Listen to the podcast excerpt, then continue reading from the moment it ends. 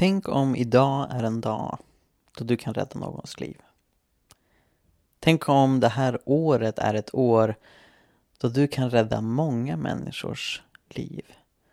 Tänk om du under resten av din livstid får skänka lång livstid till många andra människor på den här planeten.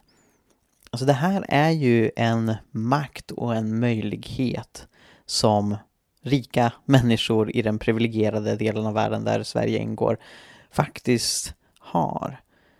Dels för att vi har så mycket resurser, mycket mer resurser än vi själva behöver. Och dels för att det har blivit enklare än någonsin att lindra nöd och rädda liv. Jag är just nu engagerad för att mätta magar i Afghanistan som upplever en fruktansvärd hungerkris. Och det krävs inte mer än 90 kronor för att 20 människor ska få tillräckligt att äta i en vecka. Alltså, vi lever i en värld där det är så enkelt och effektivt att rädda människors liv och det är något förstås som vi alla bör göra. Och det blir viktigare och viktigare med tiden, för även om vi nu förhoppningsvis har lagt en pandemi så gott som bakom oss så kommer ju fler kriser framöver som vi vet, inte minst klimatkrisen. Redan nu så räknar man med att ungefär 5 miljoner människor dör varje år på grund av klimatrelaterade orsaker och det är en siffra som riskerar att växa väldigt drastiskt de kommande decennierna. Nyligen så har det kommit en del rapporter om att eh, stora delar av Mellanöstern kommer förmodligen bli helt obeboeliga de kommande decennierna. Eh, det kommer bli som Sahara eh, i Mellanöstern på grund av klimatförändringarna. Men det går ju fortfarande att stoppa. Det är dock många som känner ja, men, att det är fullständigt övermäktigt och övermänskligt att råda bukt på det här. Och sen finns det de som känner att de redan gör tillräckligt. Det kom en studie ganska nyligen som visade att eh, de flesta västerlänningar anser att de gör tillräckligt för klimatet och när de tillfrågades om vad det mest effektiva för klimatet är så var saker som återvinning det som hamnade högst upp. Och det är något som de flesta människor ägnar sig åt. Eh, längst ner på listan av vad som är mest effektivt så placerade Medelsvensson saker som att minska konsumtion och minska köttätande och i själva verket är ju det otroligt mycket mer effektiva åtgärder för att bekämpa klimatförändringarna än vad återvinning är. Och återvinning är inte dumt förstås. Det är ju bra, men, men det är ganska liten effekt att återvinna sina plastflaskor och metallburkar jämfört med att avstå från att äta kött. Och hur gör man då för att leva mer klimatvänligt? Hur gör man då för att eh, eh, faktiskt rädda människors liv genom att förändra sin egen livsstil? Ja, det var något som jag hade möjlighet att prata om i Hudiksvall för ett tag sedan. Och nu inser jag att jag har glömt att säga vad jag heter, men ni som brukar lyssna på den här podden vet att jag heter Mikael, jag är med i Jesusfolket och jag talade om miljö och mirakler under en kväll som arrangerades av Hudiksvalls kristna råd. Eh, det var en fantastisk kväll, det var jätteroligt att de ville kombinera just ett hållbarhetsbudskap med ett mirakelbudskap. Och mirakelbudskapet kommer ni inte få höra i det här poddavsnittet. Det är ändå något som, om ni har lyssnat på podden en längre tid så har ni redan hört det. Det är min klassiska eh, föredrag om dokumenterade mirakler. Eh, men den första biten här när jag fokuserade på miljö och hållbarhet från ett kristet perspektiv det är något som vi inte har släppt i Jesusfolket tidigare och det är något som jag tror är väldigt nyttigt förhoppningsvis. Eh, jag försöker kombinera både bibelstudier med vad jag har plockat upp i mina eh, miljö och utvecklingsstudier eh, och saker som jag liksom har snappat upp under åren i mitt engagemang i God jord till exempel. Eh, och God jord är något som jag berättar mer om under föreläsningen om du är nyfiken på den organisationen och det nätverket av kristna som vill verka för en hållbar och grön värld. Så gå in på godjord.nu. Nu ska ni få höra om eh, varför jag tror att Jesus är inte bara svaret på klimatkrisen utan också erbjuder en unik kraft som vi som följer honom har tillgång till och som vi kan erbjuda resten av världen när vi ställer om till ett hållbart, rättvist och härligt samhälle. Håll till godo.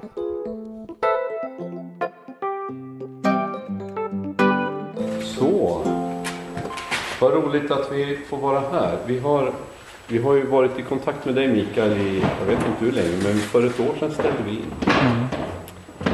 Och eh, sedan den gångens planering har ett till tema uppkommit, tillkommit. Och då, då, blev det, då satt vi där och tänkte, hur gör vi nu? Tänk om vi kan få hit honom på båda temana samtidigt? Blir det fel? Måste vi välja? Hur gör vi? och så skrev jag dig och du, när du svarar liksom, då går det fort allting. Så då, då svarade du bara, men det går bra, vi tar en paus emellan och så kör vi. Ungefär så. Mikael Grenholm, jättevälkommen. Tack så mycket. Det är så skönt att, att kunna göra någonting mitt i denna tid. Mm. Och dessutom göra någonting som är meningsfullt. Mm. Ja. God jord ja. och mirakler. Ja. Jag ska inte prata mer för jag vill lyssna till dig. eh, hjärtligt välkommen. För, förra gången jag lyssnade till Mikael, då var det i Söderhamn och då var det på tema arbete med romer. Det var jättebra och du är bred och du är spännande. Ja, det hoppas jag inte. Ja, jag är bred. Så, varsågod. Tack så jättemycket. Kan ni höra mig bra allihopa? Strålande. Jag är så glad att vara här. Jag sa innan, jag tror faktiskt det är första gången jag är i glada Hudik. Och jag undrar, vad har jag gjort med mitt liv istället för att vara här? Det är jättekul att vara här. Jag heter då Mikael, bor i Uppsala med min fru Sara och våra kattungar Nudel och Strudel. Jag eh, har precis eh, blivit klar att ta en masterexamen i kyrkohistoria. Jag fick ett mejl i morse som bekräftade det. Ja, tack så mycket. Och eh, jag är redan nu, eh, innan, innan klar examen, lärare eh, på ALT, Akademi för ledarskap i teologi, i Örebro och undervisar i kyrkohistoria. Annars är jag också författare, föreläsare och har varit pastor i flera år i Uppsala. Så det är en, några exempel på den bredhet jag då har. Eh, jag har också varit eh, involverad i en organisation som heter God Jord som är en kristen miljö och rättviseorganisation som etablerades för några år sedan. Eh, och jag kommer komma tillbaka till lite mer om den organisationen sen. Den är väl värd att kolla upp och bli medlem i. Men som ni har hört så kommer vi prata om både miljö och mirakler. Och jag tror att det är ämnen som behöver varandra. När man ser läget på miljöfronten ute i världen, då tänker man oj, oj, oj, här behövs det mirakler. Jag vet inte om, om ni såg det, men det rapporterades väldigt nyligen att de senaste sju åren har varit de varmaste sedan man började mäta temperaturen på klimatet. Eh, och, och, det går ju i helt fel riktning. Jag tror att det är svårt idag att prata om att stoppa klimatförändringarna. Klimatförändringarna är redan här.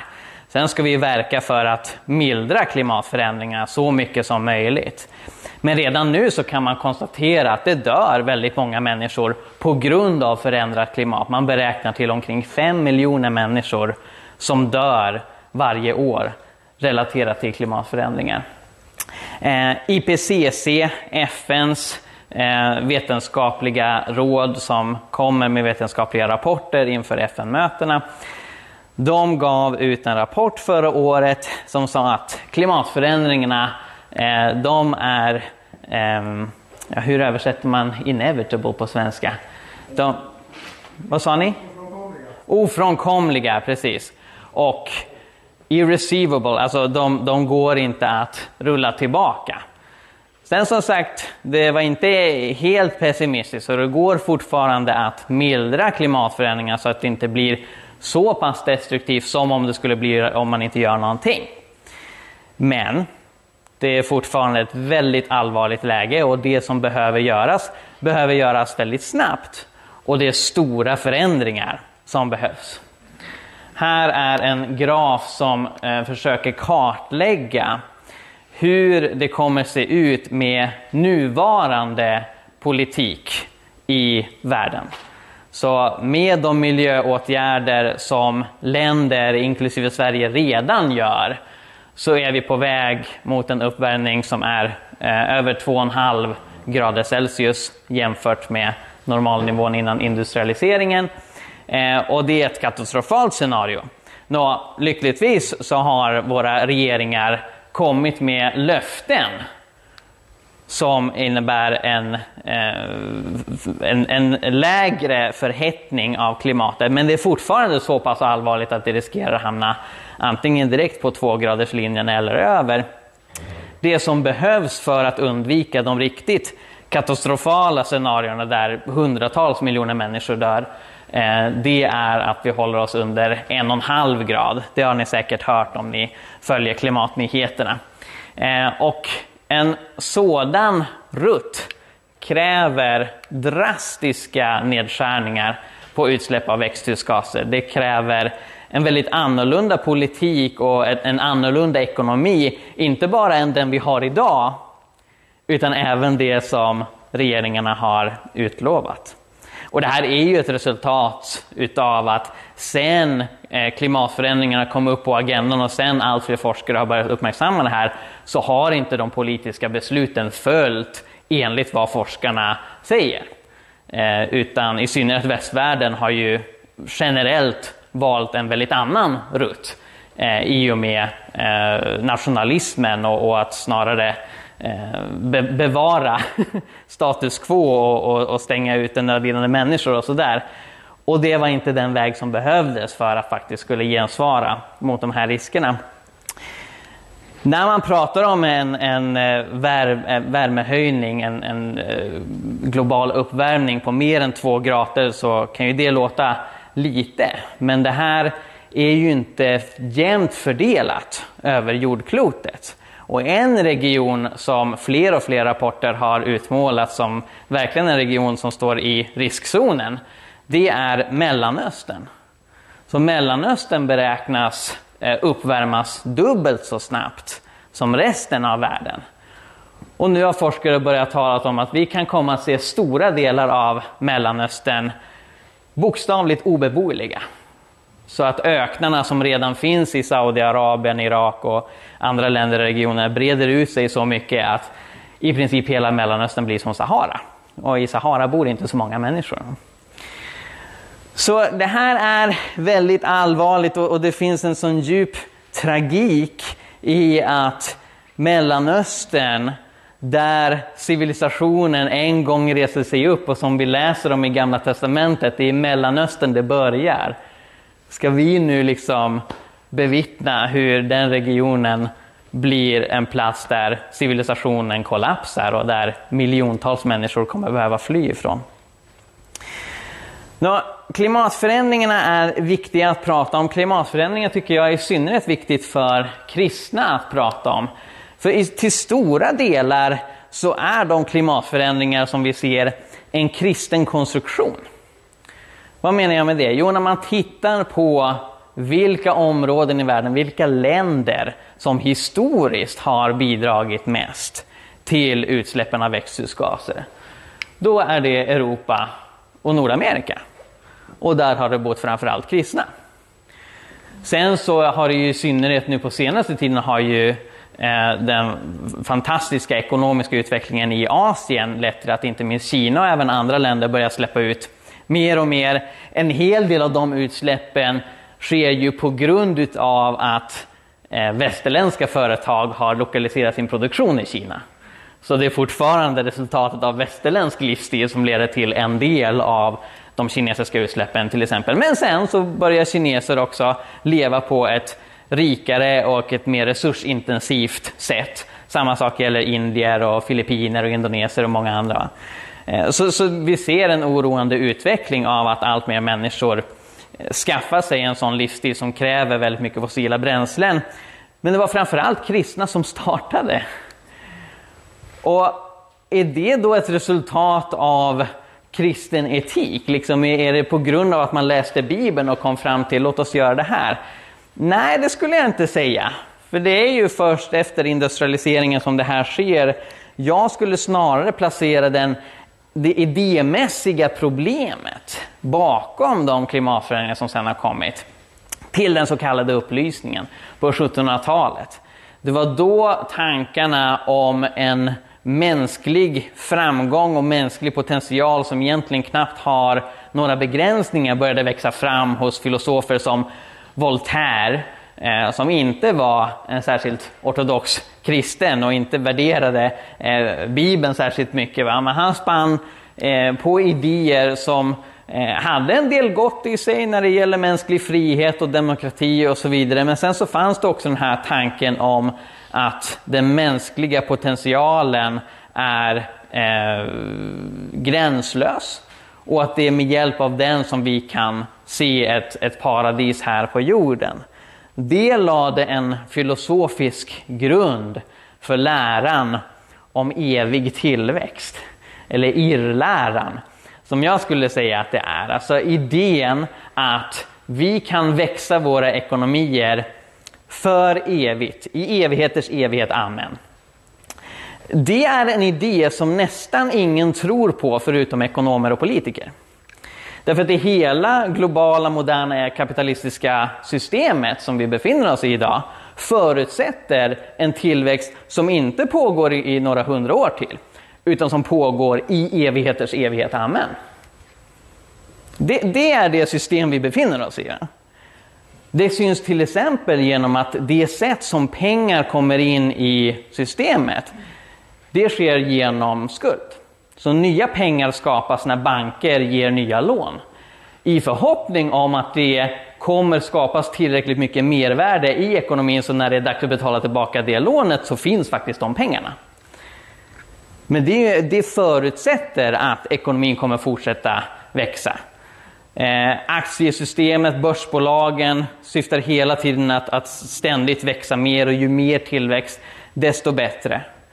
Och det här var ju något som man såg ledde till fantastiska framsteg teknologiskt, vetenskapligt, ekonomiskt under 1900-talet. Men vi ser ju allt tydligare baksidan av det myntet, nämligen de miljömässiga destruktiva konsekvenserna som det får. Och det man kan se väldigt tydligt är just hur ekonomi och ekologi hänger samman. Eh, den här uppdelningen mellan det ena är samhälle och det andra är natur som vi ofta är vana vid på, på skolor, universitet och så vidare. Den, den gäller ju inte i den verkliga världen. All, allt hänger samman. Va? Och det ser man bland annat genom just att det är de rika länderna och även rika individerna och familjerna som främst driver klimatförändringarna. Så vi har sett hur Europa och USA har varit historiskt de största utsläpparna av växthusgaser. Det är ju också några av de rikaste länderna i världen. Men sen så är det även så att de rikaste 10 procenten av mänskligheten, och då pratar vi människor, inte länder, de har släppt ut lika mycket som resten av världen mellan 1990 och 2015. Och om man zoomar in på den rikaste 1 procenten så har de släppt ut som den fattigaste hälften av jordens befolkning. Så det finns en ojämlikhetsproblematik här där ekonomisk ojämlikhet hänger samman med en klimatmässig ojämlikhet i och med att det är de rikaste som släpper ut mest. Men vilka är det som drabbas hårdast av klimatförändringarna? Det är de fattiga, eller hur?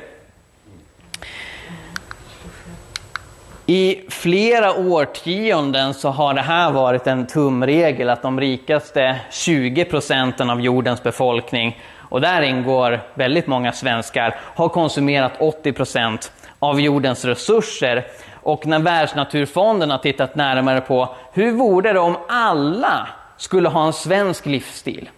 Om alla åt lika mycket kött som en typisk svensk och åkte lika mycket bil och flyg och hade samma typ av boende som en svensk. Hur många jordklot skulle vi behöva bara för att ha tillräckligt med naturresurser? för att sju miljarder människor skulle dela den eh, livsstilen. Och ni ser ju bakom mig att svaret är fyra. Och då har vi två alternativ framför oss. Antingen så sätter vi igång och koloniserar Mars och Venus och Merkurius och ägnar oss åt terraforming och liksom skapar de planeterna till att bli jordliknande. Kan då ta ett litet tag och jag vet inte om tekniken är där än. Eller så finns det andra alternativet som kanske är lite mer orealistiskt. Att vi ändrar vår livsstil. Eller är det verkligen orealistiskt? Om man tänker på det, hur har de flesta svenskar levt historiskt? Det var inte som vi gjorde, eller hur? Sen kanske man hade det värre då på många sätt. Va? Men på andra sätt hade man det bättre. Och tänk om man skulle tänka nytt, att okej, okay, vi kan behålla liksom, ja, men de mediciner som vi har och kanske internet kan vi ha kvar i någon mån, va? Alltså, för det gillar vi. Men hur kan vi göra på ett annat sätt så att vi lever på ett enklare sätt i linje med hur de flesta människor har levt historiskt? Då när man är inne på de här tankarna så är det lätt att placeras i ett fack. Och det är inte ovanligt idag att miljöidéer och miljöideologi placeras till vänster på den endimensionella politiska vänster-höger-skalan. Jag tycker att man ska akta sig för sådana förenklingar. Egentligen handlar vänster-höger-skalan om någonting annat och jag tror att i verkligheten så är ingen människa så pass simpel att allt bara handlar om att förändra saker eller att det bara handlar om att bevara. De flesta tänker nog att det är en mix. Och jag tänker till exempel på en person som J.R.R. Tolkien, skapare av Sagan om ringen med flera fantasyverk. Han kunde man inte kalla för någon slags vänsterradikal. Han var en djupt konservativ man. I Sagan om ringen så finns det fler trädmonster än det finns kvinnor som har namn. Men den konservatismen gjorde att han var en stark miljövän. Han var starkt kritisk till industrialiseringen och vad det resulterade i både när det gäller eh, konsekvenser för miljön men också hur det påverkar oss människor. Det kan man se i Sagan om ringen, de här nyss nämnda trädvarelserna, enterna, de tar och attackerar trollkaren Saruman som ägnar sig åt att industrialisera Midgård och så möter han sin dom. Nå, Tolkien tycker jag är ett exempel på en, en idémässig kristen tradition. Han var katolik som pekar i en annan riktning än den här idémässiga traditionen om evig tillväxt som jag tycker att en alltför stor del av kyrkan historiskt har accepterat för snabbt och för enkelt utan att tänka igenom vad är det som händer här. Det finns ett citat från en man som jag tror inte är kristen men som sa något väldigt vist apropå just hur idéer kan forma klimatengagemang. Han sa fritt översatt, jag brukade tro att de viktigaste miljöproblemen i världen var förlust av biodiversitet, att ekosystemen kollapsar och klimatförändringarna. Jag trodde att med 30 års god vetenskap så skulle vi kunna adressera de problemen. Men jag hade fel. De största miljöproblemen är själviskhet, girighet och apati. Och för att handskas med de problemen så behöver vi en andlig och kulturell förändring. Och vi vetenskapsmän vet inte hur man gör det. Så det Gaspeth efterfrågar är att kyrkan kliver in och gör någonting för att förändra själva grundstommen till de problem som vi ser runt omkring oss. Och tänk vad som skulle hända om vi kunde se en stor förändring i hur vi kristna lever och förkunnar och inspirerar när det gäller de här frågorna. Så kristna är världens största religiösa grupp. Vi är omkring två miljarder människor på den här planeten. När vi rör oss och skakar världen, låt oss använda det för något positivt. Så jag skulle vilja prata här idag för er om det jag kallar för evangelisk enkelhet. Det som Bibeln utmålar, för det är väldigt annorlunda än de här idéerna om evig tillväxt och evig rikedom. Jag tror att Jesus och andra bibliska författare gav oss redskap redan för över 2000 år sedan för att handskas med de problem som vi ser idag. Och i centrum av mina tankar kring det här så finns då begreppet enkelhet. Det jag menar med enkelhet är inte samma sak som fattigdom och inte heller samma sak som rikedom, utan det är en mellannivå. Va? Att varken vara fattig, att varken vara rik. Och det är någonting som jag till exempel ser i Ordspråksboken, där det står i kapitel 30 Håll falskhet och lögn ifrån mig. Ge mig varken fattigdom eller rikedom, men ge mig den mat som jag behöver. Det finns många andra bibelställen som pratar just om enkelhet som något bortom fattigdom och rikedom, där man inte lider nöd, men man har inte heller så mycket att man skadar andra människor miljömässigt eller ekonomiskt. Och jag tänkte att vi kunde gå igenom fyra sådana bibelord tillsammans. Alla från Nya Testamentet. Det första hittar vi i Apostlagärningarna kapitel 4. Och det är en sån vacker beskrivning tycker jag av den apostoliska kyrkan i Jerusalem. Den församling som alla andra församlingar i hela världen kommer ifrån. Lukas skriver så här, hela skaran av dem som kommit till tro var ett hjärta och en själ. Ingen kallade något av det han ägde för sitt, utan de hade allt gemensamt. Med stor kraft bar apostlarna fram vittnesbördet om Herre Jesu uppståndelse och stor nåd var över dem alla. Ingen av dem led någon brist, för alla som hade mark eller hus sålde sånt som de ägde och bar fram betalningen för det som hade sålts och lade ner det vid apostlarnas fötter och man delade ut åt var och en efter hans eller hennes behov. Så här beskriver Lukas hur det inte fanns någon fattig för att det inte fanns någon rik i den tidiga församlingen. Men Mikael Grenholm, det där låter ju som kommunism och marxism och socialism. Nej men det här, det här var långt innan de teorierna. Det här är ett bibliskt ideal, ett jämlikhetsideal ideal, som vi ser på även flera andra ställen i Nya Testamentet. Så Paulus skriver i andra Korinthierbrevet när han försöker uppmana korinserna att ge pengar till de fattiga i Jerusalem. Vi vill inte att andra ska få det bättre och ni ska få det svårt, utan vi vill att alla ska ha det lika. Just nu ska ert överflöd avhjälpa deras brist, så att deras överflöd en annan gång kan avhjälpa er brist.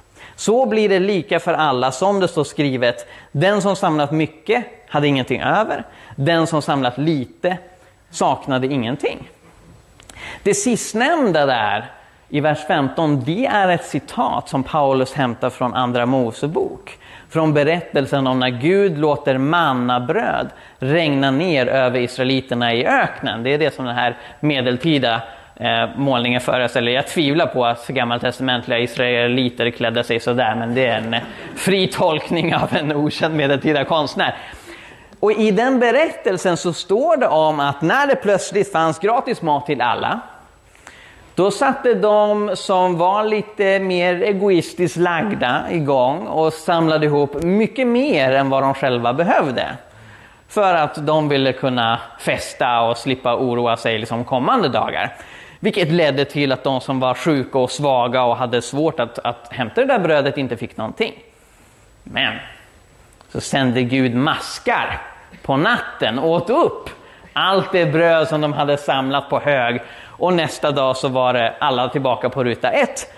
Och då när det inte fanns någon poäng med att samla en massa, så blev det som Paulus säger här, den som samlat mycket hade ingenting över, den som samlat lite saknar ingenting. Men jag kan ju önska att de där maskarna skulle komma tillbaka. men, men Gud kanske tänker sig att, att vi får vara de som, som eh, övertygar och, och, hjälper de som har för mycket att dela med sig till de som har för lite. Ja. Eh, Paulus skriver även i första Timoteusbrevet så här, det här är otroligt vackert tycker jag. Guds fruktan förenad med förnöjsamhet är verkligen en stor vinst. Vi har inte fört något med oss in i världen och inte heller kan vi ta med oss något härifrån. Har vi mat och kläder ska vi vara nöjda med det. Förnöjsamhet är ett så vackert ord tycker jag, som det känns som att vi har förlorat i modern västerländsk kultur. Jag menar, all reklam går per definition ut på att man inte ska känna sig nöjd som man är. All reklam försöker övertyga om att du hade varit mer nöjd om du hade min grej. Kom och köp min produkt. Va? Så vi lever i en kultur som aktivt motarbetar förnöjsamhet. Men hur skönt är det inte att känna sig nöjd med det lilla man har? Och det är någonting som Paulus aktivt uppmuntrar. Han vänder sig mot tanken att Guds fruktan skulle vara en ekonomisk vinst i och med att ju mer du tror desto rikare blir du. Det är något som han avfärdar i, i, i det här brevet. Va? Utan istället så trycker han på, nej men om vi är nöjda med det enkla, med mat och kläder och husrum, det enkla vi behöver. Då är Guds fruktan en annan sorts vinst som är mycket mer värdefull. Och sen så tror jag förstås att enkelhet är en fantastisk förutsättning för generositet. När man inte jagar statusprylar, när man inte jagar lyx och känner att man måste ha den största bilen och finaste huset och så vidare. Man nöjer sig med det enkla. Då har man ju plötsligt möjlighet att dela med sig mycket mer. Och en bibelvers som jag återkommer till många gånger när jag eh, reflekterat över generositet det finns i första Johannesbrevet 3, där Johannes skriver om någon har jordiska ägodelar och ser sin broder lida nöd, men stänger sitt hjärta för honom. Hur kan då Guds kärlek förbli honom? Spegelbilden av det är att Guds kärlek driver oss till att öppna våra hjärtan för de nödlidande. Det sa Johannes 2000 år innan Fredrik Reinfeldt. Va? Öppna era hjärtan för de nödlidande. Och det kan appliceras på migration men också då på människor som inte ens kommer i närheten av Sverige och befinner sig på helt andra platser. Men som vi kan hjälpa på olika sätt. Men hur är det då med rikedom? Det verkar ju finnas en del bibelverser som liksom talar positivt om rikedom. Hur får man ihop det med den här enkelhetstanken? Och först skulle jag vilja nämna att det finns en del bibelverser som faktiskt talar ganska negativt om rikedom. Jag tänker till exempel på det Jesus säger i bergspredikan om mammon. Ingen kan tjäna två herrar. Antingen kommer man hata den ena och älska den andra, eller hålla fast vid den ena och förkasta den andra. Ni kan inte tjäna både Gud och mammon. Det är inte alla som har koll på vad mammon betyder, för att det, det, står sällan översatt i våra biblar, utan det står bara mammon där, så måste man räkna ut själv vad det betyder. Mammon är arameiska, alltså det ord som Jesus själv talade, för rikedom. Det är vad mammon betyder. Så Jesus säger att man kan inte tjäna både Gud och rikedom, man kommer hata den ena och älska den andra. Han sätter verkligen Gud och rikedom i opposition mot varandra. I Lukas version av bergspredikan, som ibland kallas för slättpredikan, så säger Jesus saliga de fattiga, men vi är ni som är rika. I Lukas 12 så uppmanar han sina lärjungar att sälja det de har för att ge åt de fattiga. Och precis samma språkbruk använder Lukas sen i Apostlagärningarna när han beskriver egendomsgemenskapen i Jerusalem, när ingen är fattig för att ingen är rik. Och sen har vi Jakobs brev. Jakob uttrycker sig väldigt starkt om rikedom. Han skriver, lyssna ni som är rika, gråt och klaga över de olyckor som kommer komma över er. Han använder språk som en gammaltestamentlig profet och säger, ni har gött er på slaktdagen och, och så vidare. Och Jakobs brev är intressant för det är inte adresserat till en specifik församling, utan det är ett av de här nya testamentliga breven som är adresserat till hela kyrkan överallt. Så det är en väldigt radikal kritik av rika som Jakob anklagar för att suga ut fattiga eller att det, det överflöd de har hade kunnat gå till de arbetare som faktiskt såg till att de fick mat på bordet men de arbetarna inte fått tillräckligt. Och det är liksom en generell kritik som Jakob riktar gentemot alla rika i romarriket. Jag har ofta stött på tanken att Bibeln inte är kritisk mot rikedom egentligen och Bibeln menar inte att det finns något fel med att vara rik. Utan det enda man ska tänka på är att ens inställning till rikedom är rätt. Alltså så länge man har en sund inställning till sina pengar, då spelar det ingen roll hur mycket man har. Det brukar jag kalla för inställningsteologi. Det är en idé som menar att det är egentligen irrelevant hur rik man är. Det enda som spelar roll är att ens inställning till pengar inte skadar ens relation med Gud. I praktiken så går den här tanken ut på att man kan ha en skatt på jorden och samtidigt ha sitt hjärta i himlen. Och så länge det är fallet, så länge den här skatten som man har på jorden inte påverkar ens hjärta i himlen, då är allt fine, då spelar det ingen roll hur rik man är. Men vad var det Jesus sa nu igen? Just det!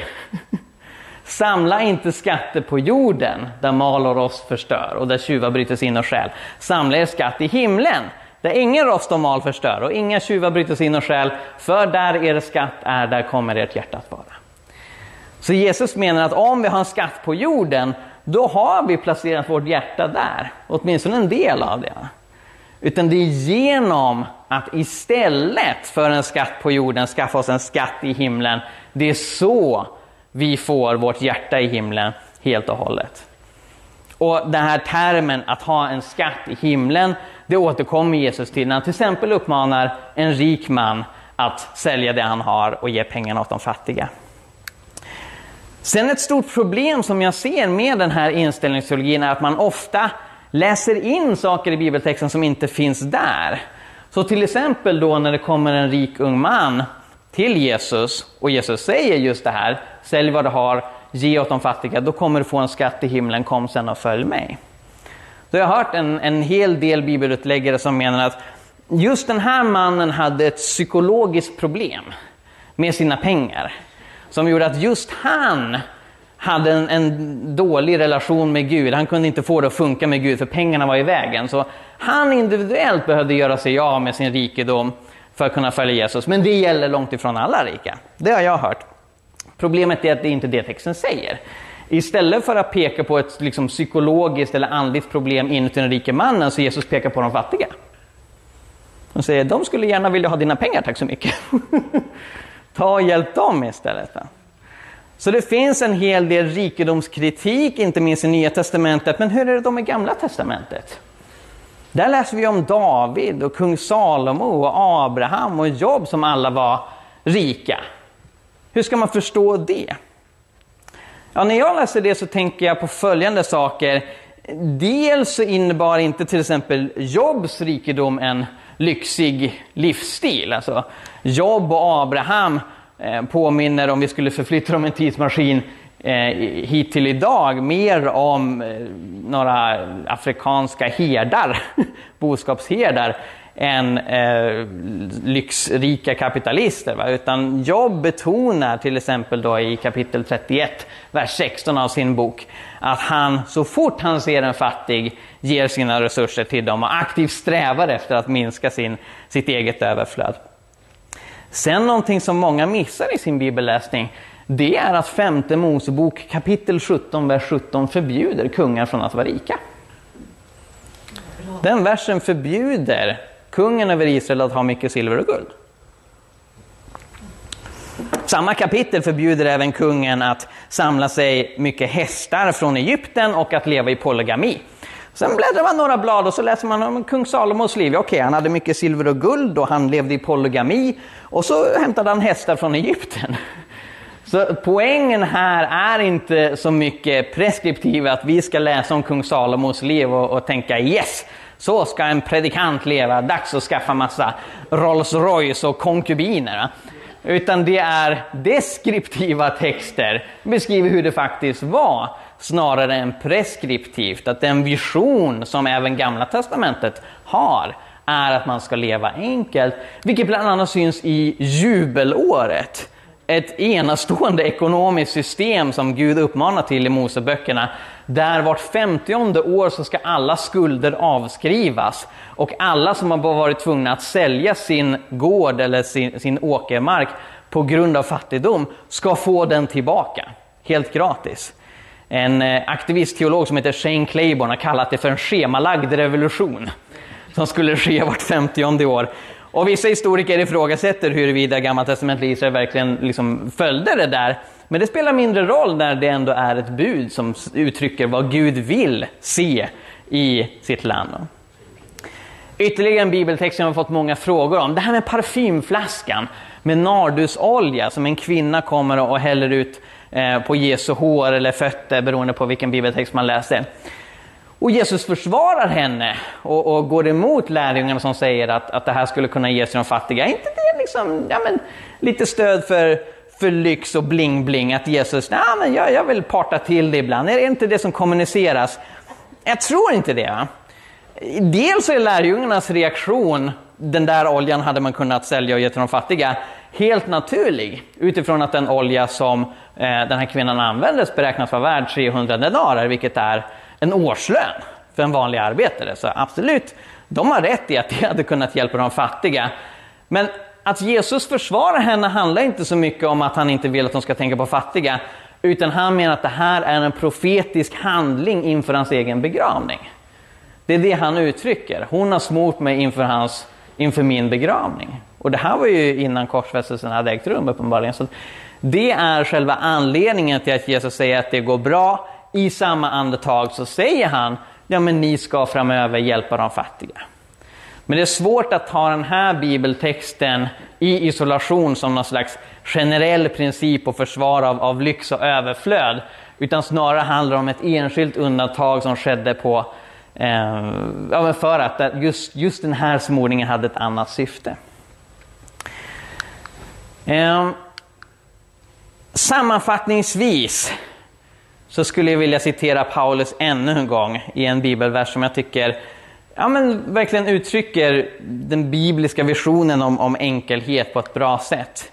Han skriver, de som vill bli rika råkar ut för frestelser och snaror och många oförnuftiga och skadliga begär som störtar människor i fördärv och undergång.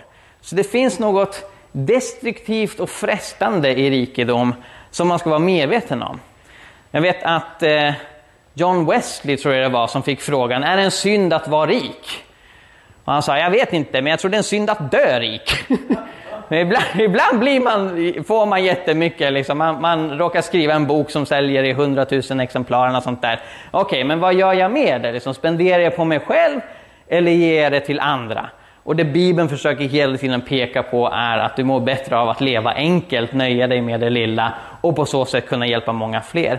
Så Bibeln är inte fientligt ställd till flitigt arbete och att tjäna pengar på det sättet. Men vad gör vi med de pengarna? Jo, vi ska dela med oss till de som har mindre. Och nu när jag då har pratat en hel del om enkelhet uppstår frågan, vad innebär det här i praktiken idag, eh, i vår tidsålder?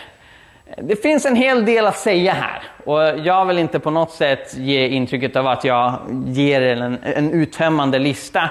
Utan jag tänker att det här är ett viktigt samtal för oss framöver. Jag skulle bara vilja erbjuda några tankar om vad jag har funnit viktigt när det gäller områdena mat, transport, boende, arbete och kyrka. Och sen så får man resonera och be och hjälpa varandra applicera hur, hur kan det se ut i vår kontext. Om vi börjar prata om mat och hur enkelhet kan se ut idag när det gäller mat så är det ganska ofrånkomligt att prata om kött. Det här är en graf som uppmäter köttproduktionen i världen från 1960 till idag.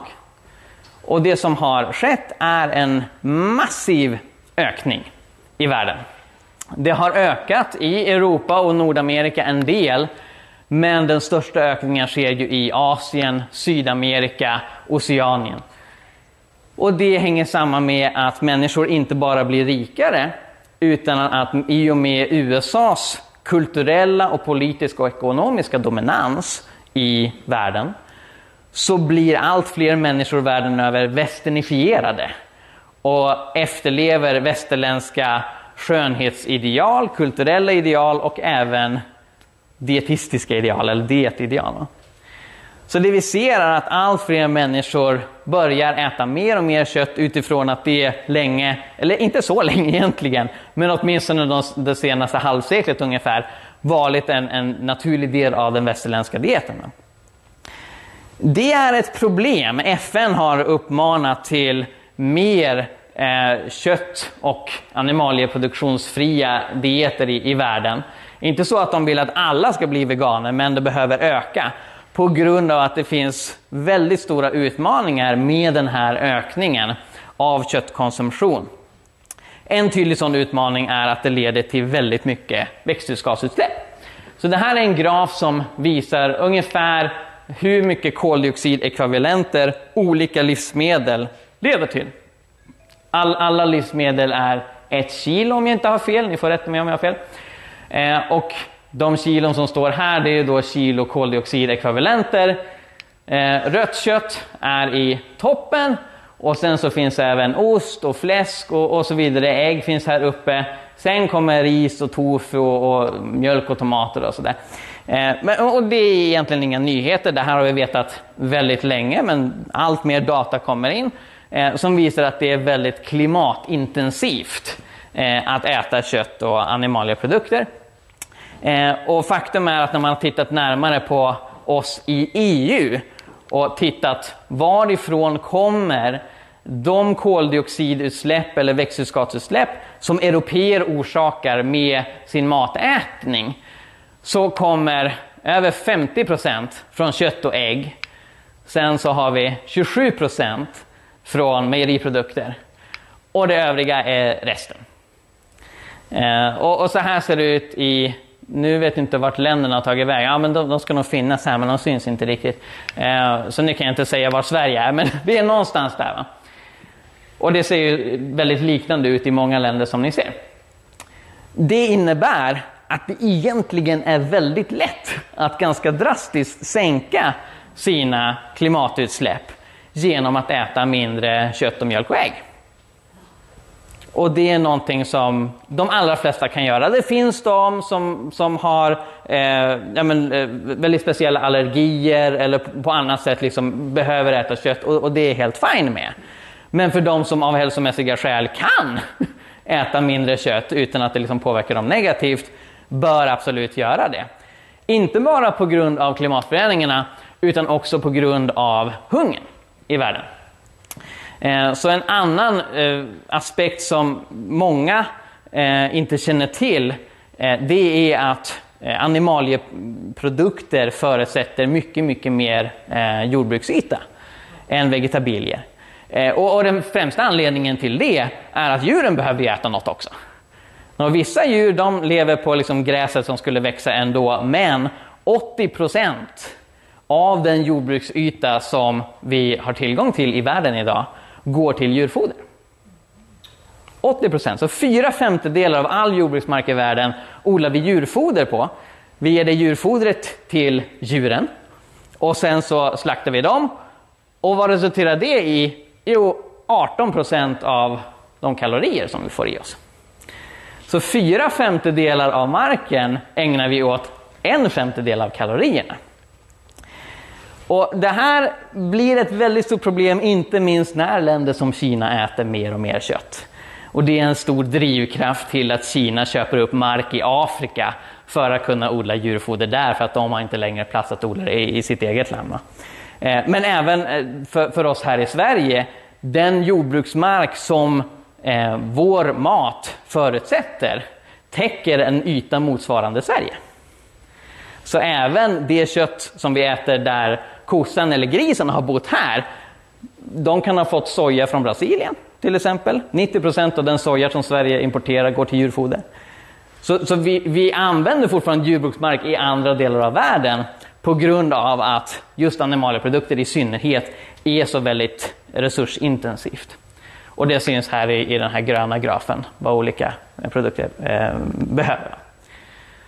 Så det är en aspekt som är viktig att tänka på. Jag är säker på att många av er redan känner till detta, men det är väl värt att upprepa. För som sagt, det är väldigt enkelt att ställa om hur man äter. Äta behöver man göra ändå och man kan göra ett aktivt val att äta på ett sätt som är bättre för miljön och fattiga människor. När det gäller transport så kom det en studie från Lunds universitet ganska nyligen, jag tror det var så sent som eh, 2019 eller 2020, som mätte upp eh, koldioxid eller växthusgasutsläppen av olika livsval och hur mycket man kan spara genom att ändra livsvalet. Att, att gå över till en växtbaserad diet fanns med där, men något som de märkte hjälpte ännu mer var att byta, till en, eh, att byta från eh, Eh, att ha en elektrisk bil till att inte ha någon bil alls. Eh, eller att undvika eh, att eh, göra en flygtur över Atlanten. Så, så det är inte heller några no nyheter, va? att de sätt som vi transporterar oss på väldigt ofta skapar växthusgasutsläpp. Nå, det ska, man ska komma ihåg att när det är de elektriska bilarna, så det är ju någonting som man tittar på i fler länder än Sverige, där elen kan vara smutsigare än vad den är här. Så jag skulle säga att, att elbilar är bättre i Sverige än i många andra länder. Eh, men även med miljöbil så gör man klokt i att vara försiktig, att, att inte göra onödiga resor. Eh, och det gäller framförallt flyg, att man undviker det. Men här sker det en, en hel del i, när det gäller den tekniska utvecklingen. Ehm, Bill Gates har förutsett att han tror att majoriteten av affärsmöten om tre år kommer ske online istället för eh, att, att man gör flygresor. Vi får se om han har rätt. Men han hade rätt om att det skulle komma en pandemi åtminstone, så ibland är han värd att lyssna på. Eh, vidare, så när det gäller boende, så vill jag slå ett slag för ju fler desto bättre. Det fanns en tid på 70-talet när det verkligen var en trend, inte minst bland kristna, med kollektivboende och kommunitetsboende och så vidare. Den rann lite ut i sanden. Och det kan ibland vara lite jobbigare och stökigare än att ha sitt eget boende. Men den miljömässiga och ekonomiska vinsten av att bo tillsammans är massiv. Och jag tänker också på saker som man såg mer av förr, att man har mormor eller morfar och, och, och så vidare hemma hos sig. Det är också någonting som är att föredra miljömässigt.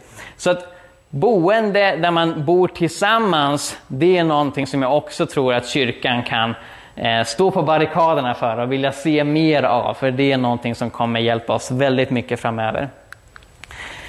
När det gäller arbete och elektronik så finns det många aspekter av elektronikens miljöpåverkan som jag tycker det behöver talas mer om.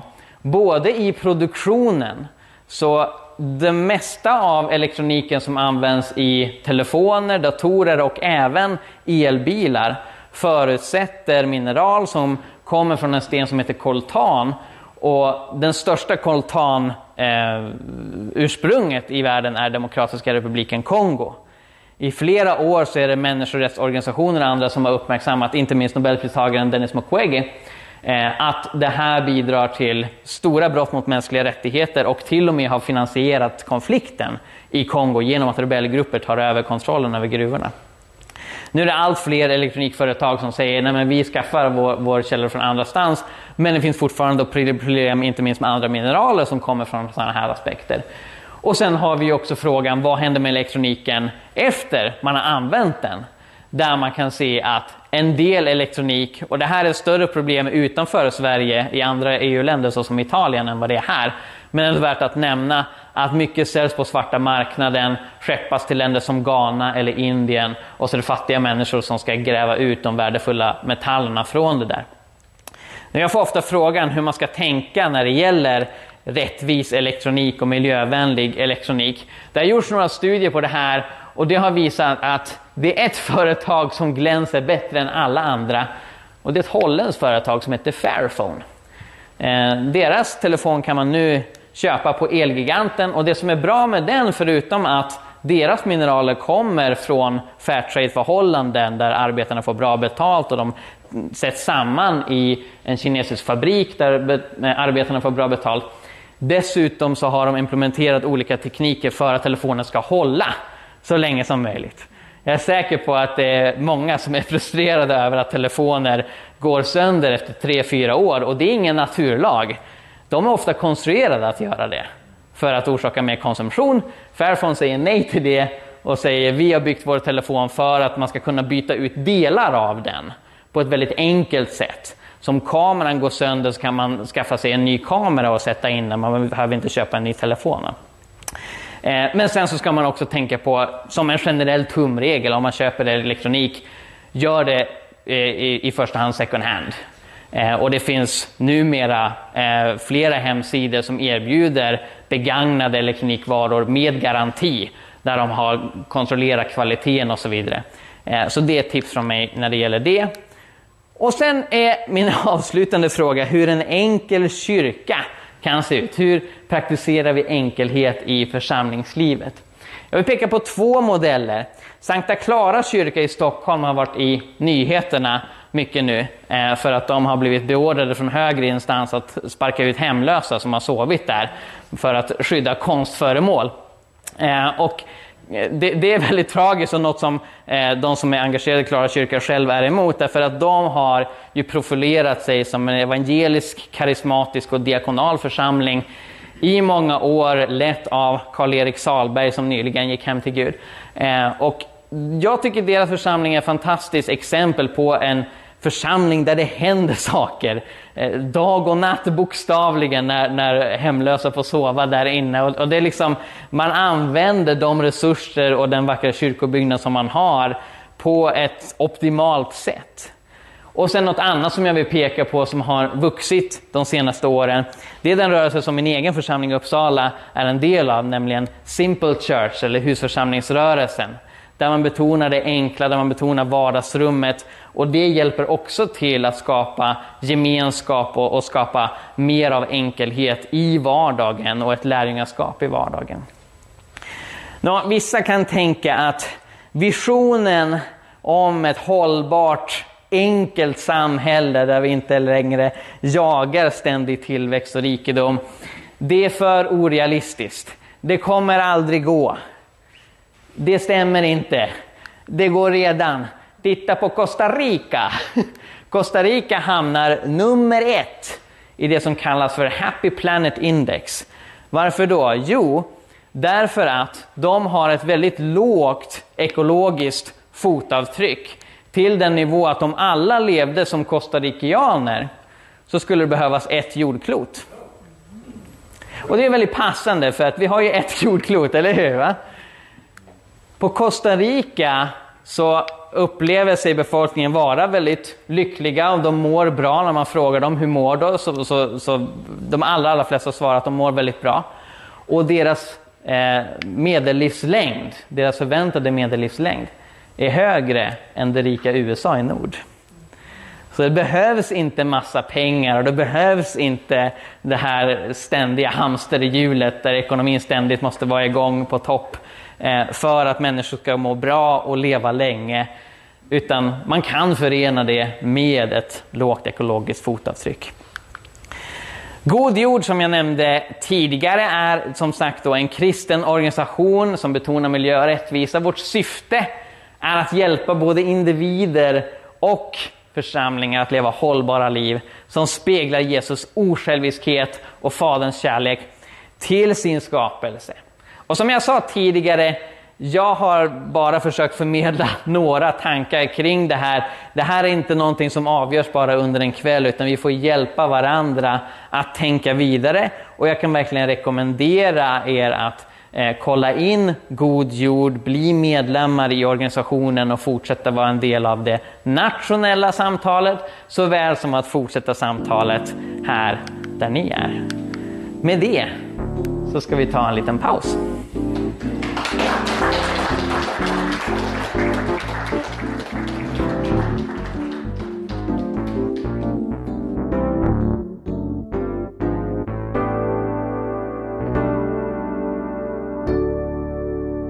Tack så mycket för att du lyssnade på Jesusfolket. Om du vill höra mer så se till att prenumerera på iTunes, Spotify eller valfri podcastapp. Du kan också lämna en recension vilket är en eh, liten grej att göra som hjälper oss väldigt, väldigt mycket, så det uppskattar vi verkligen. Eh, du kan också läsa vår blogg, Hela Pingsten. Vi har mängder med artiklar där om andens gåvor, evangelisation, fred, rättvisa och allt möjligt annat som har med lärjungaskap att göra, så kolla in det. Och vi finns på sociala medier, du kan följa både Jesusfolket och Hela Pingsten på till exempel Facebook. Tack så mycket! Gud välsigne dig och eh, fortsätt vara en del av Jesusfolket.